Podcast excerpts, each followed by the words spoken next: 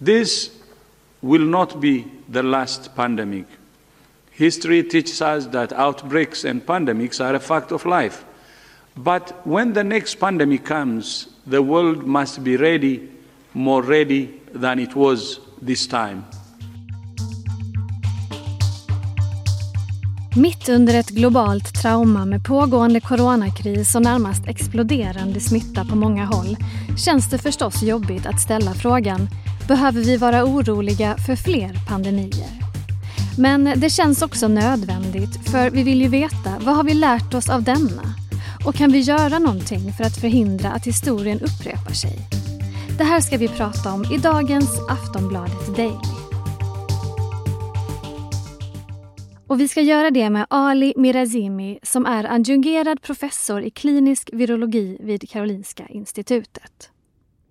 Coronaviruset har redan muterat flera gånger under året. Det talas om 12 000 gånger till och med.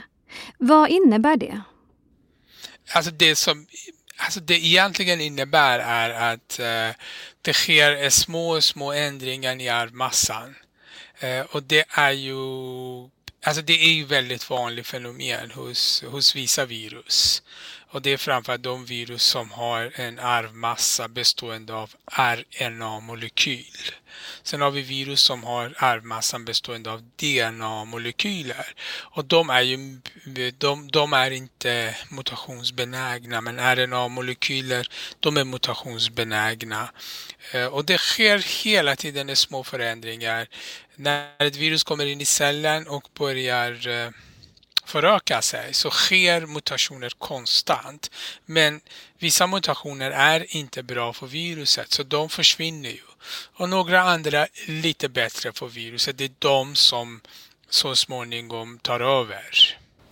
Men, men, finns det några risker till exempel vad gäller de här vaccinen som görs nu med just mutationerna? Ja absolut, det finns ju alltid en risk med, med virus som förändrar sig och det är det vi har sett. Vi, vi kallar dem ibland, vissa, de är motståndskraftiga mot vissa mediciner och så vidare. Det har vi sett på andra eh, virus där efter ett tag så genom mutationer så bygger de upp en typ av motstånds, motståndskraft. Men eh, i det här fallet, för att de här virusen ska bli motståndskraftiga mot de vaccinerna som vi har tagit fram så krävs lite fler mutationer och det måste finnas på något sätt ett, ett incitament varför viruset ska ändra sig så pass mycket eh, för att eh, gå förbi de här så kallade skyddet som vi bygger upp. I och med vi har inte den skyddet, vi har inte börjat vaccinera. Så, så sannolikheten att vi får ett virus med de här få mutationer på spike-proteinet att bli motståndskraftig, vaccin, motståndskraftig mot vaccinet är ganska liten. Mm. Det sägs ju att eh, det finns 5000 olika varianter av ett sådant här coronavirus, till exempel bara hos fladdermöss.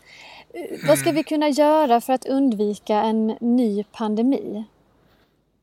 Alltså det är inte mycket vi kan göra um, mot, mot uh, själva evolutionen och naturen som sådan. Det, man kan tänka sig ju att äh, man ska inte, om man tänker sig helhetsperspektivet, det är ett, klimatförändringar påverkar äh, samspelet äh, i naturen.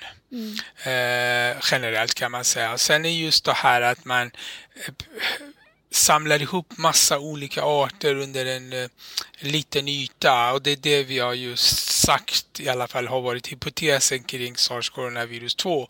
Men vad fallet i sars-coronavirus 1 2002 och 3 är att man tar in tama djur, vilda djur, mycket människor under en, en liten, liten yta och det är de här matmarknaderna. Och där liksom på något sätt bygger man upp ett, eh, eh, miljö där viruset kan hoppa hoppa över från en species eller från en art till nästa art. Eh, det är ju ena eh, som, eh, som man kan titta på. Det andra är ju liksom övervakning och försöka se vad det är för virus och patogener och bakterier som finns, inte kanske bara fladdermöss men andra vilda djur och sen försöka förstå vilka utav dem kan hoppa över. Man kan säga att under sista kanske 10, 20, 30 åren så har man försökt kolla vad det finns för andra virus i, i vilda djuren. Eh, och vi har en jättelång eh, bibliotek med namn, som du sa, 5000 i fladdermöss eh, och, och, liknande för andra virusarter. Eh, men det är inte alla de som kan hoppa över. Så det behövs lite mer grundläggande forskning för att förstå vad behövs för att ett virus ska kunna hoppa över från en art till nästa art? Har man satsat tillräckligt på forskning vad gäller det här området? Du säger att det behövs mer. Ja, generellt, eh, alltså det är det som är ju problemet. Forskning är ju ett eh, om du ska spara pengar så kan du börja alltid spara på forskning. Eh, av förklarliga skäl såklart. Så svaret till att de satsas tillräckligt på forskning, svaret är nej. Mm. Eh, det har inte det. Eh, och det behövs mycket mer och, och då ska man tänka sig att det ska finnas, de här satsningarna ska vara på alla områden från, och nu har vi sett liksom från, från de här snabba diagnostikplattformarna eh, eh, tills eh, mycket mycket grundforskning där man för att kunna ta fram mediciner, vaccinforskning och eh, som vi nämnde eh, just det här att förstå eh, samspelet mellan djur och människa och, eh, och effekten av klimatförändringar. Just det. Eh, många forskare har ju sagt att vi egentligen bara gått och väntat på en pandemi. Eh, kan det här året bli ett, ett wake-up call? Har vi lärt oss någonting eller kommer vi att fortsätta som vanligt? Vad tror du? Alltså människan har ju, eh, vi har ganska, eh, eh, vi glömmer ganska fort. Det är ju människans natur och, och i många avseenden ganska bra såklart. Men den här pandemin har varit lite annorlunda än vad de tidigare pandemierna eller epidemierna i de närmaste tiden. Så för, förhoppningsvis sitter den kvar ett, ett tag till. Men, eh, men generellt, vi, vi är bra på att glömma bort saker. Men vi har lärt oss en hel del. Eh, och det är just det här att man kan inte, man kan inte nonchalera vad som händer i Kina eller i södra Afrika eller Sydamerika. Utan eh, om det är just saker som kan sprida sig kommer att påverka hela världen. Så det är nummer ett. Nummer två är att man kan inte vänta tills något kommer för att sen ska börja agera. Det är nummer två och det är ju liksom eh, och nummer tre, ett samverkan mellan olika discipliner där av och o i det hela och då tänker jag mig från veterinärmedicin, humanmedicin, miljömedicin. Så det är ju många parametrar som, som måste samverka tillsammans. Nu startade ju det här viruset, eh, eller den här pandemin, genom ett virus som hoppade från djur till människa. Finns det andra riskfaktorer som skulle kunna starta en pandemi? Alltså de pandemier och de, de stora epidemier som vi har sett så är ju, har varit mycket i de när, eh, sista tiden har varit från djur till människa eller från en mellanvärld och då pratar vi om typ myggor eller fästingar eller knott och så vidare. Så det är där till människan och då, då blir något går helt galet. Men ibland epidemier kan börja från människa till människa och det är ju, och då har vi sett till exempel med mässlingar ett bra exempel när eh, eh fler inte vaccinera sig och då plötsligt eh, ser vi en spridning av mässling. Eh, för att mässling, mässling är under kontroll så länge alla vaccineras, alla barn vaccinerar sig. Så det kan gå även från människa till människa. Men framförallt det vi har sett som har uppmärksammats det är ju eh, de virus som går från djur eller eh, de här vektorer, myggor och fästingar till människa.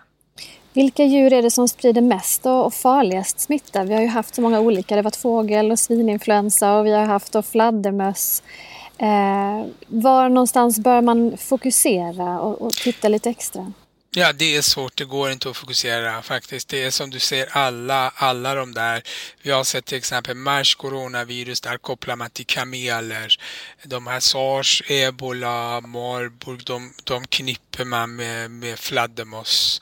Sen tittar vi till exempel rabies och då kan det vara infekterade hundar och katter. Och sen tittar vi på Krimkongo som är en dödlig virus, den går bara från fästingar eller kossor till människa. Så det är ju, det är you name it, det är i stort sett eh, från var som eh, kan ta sig till människa.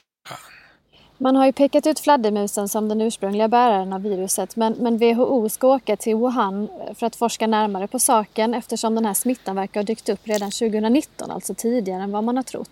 Kan det finnas andra tänkbara förklaringar i det här fallet tror du? Eh, alltså i det här fallet, jag har svårt att tro mig något annat mer än att, eh, för det, det här viruset är ju väldigt, väldigt nära eh, coronavirus som finns på fladdermöss.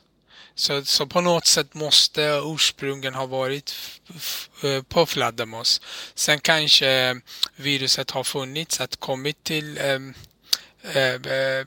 till människan också genom kanske olika matmarknaden lite innan eh, det uppmärksammade december-januari-fallet när, när vi börjar se mycket. Men, men på något sätt eh, allt pekar på att viruset har kommit från fladdermöss till människan. Eh, men, men som sagt, man måste liksom verkligen vända på varenda sten för att, för att kunna hitta var eventuellt eh, viruset kan kan eh, ha tagit sig eller på något sätt är spilt över eller tagit sig över till människan. Men, men det, är inga, det är ingen lätt, eh, lätt arbetsuppgift om man säger så.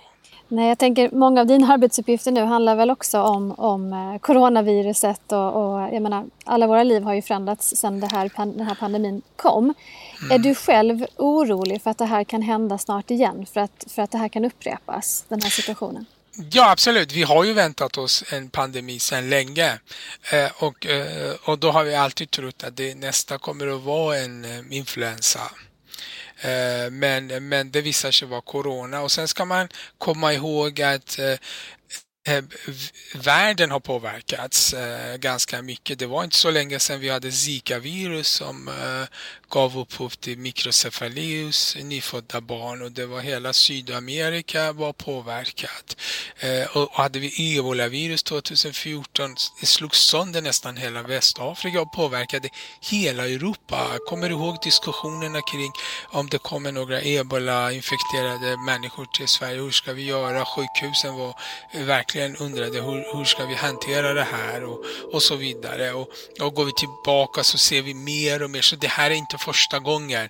Men vi har inte sett av den magnituden eh, där, där varenda människa är påverkad. Och det är ju visar sig om viruset verkligen kan sprida sig då, då blir det så. Så jag skulle inte bli förvånad om det kommer ny coronavirus eller kanske en influensavirus eller kanske något annat som vi inte känner till. Sist här hörde vi Ali Mirazimi, adjungerad professor i klinisk virologi vid Karolinska institutet. Jag heter Olivia Svensson och du har lyssnat på Aftonbladet Daily. Glöm inte att prenumerera på vår podd så missar du inget. På återhörande, hej då!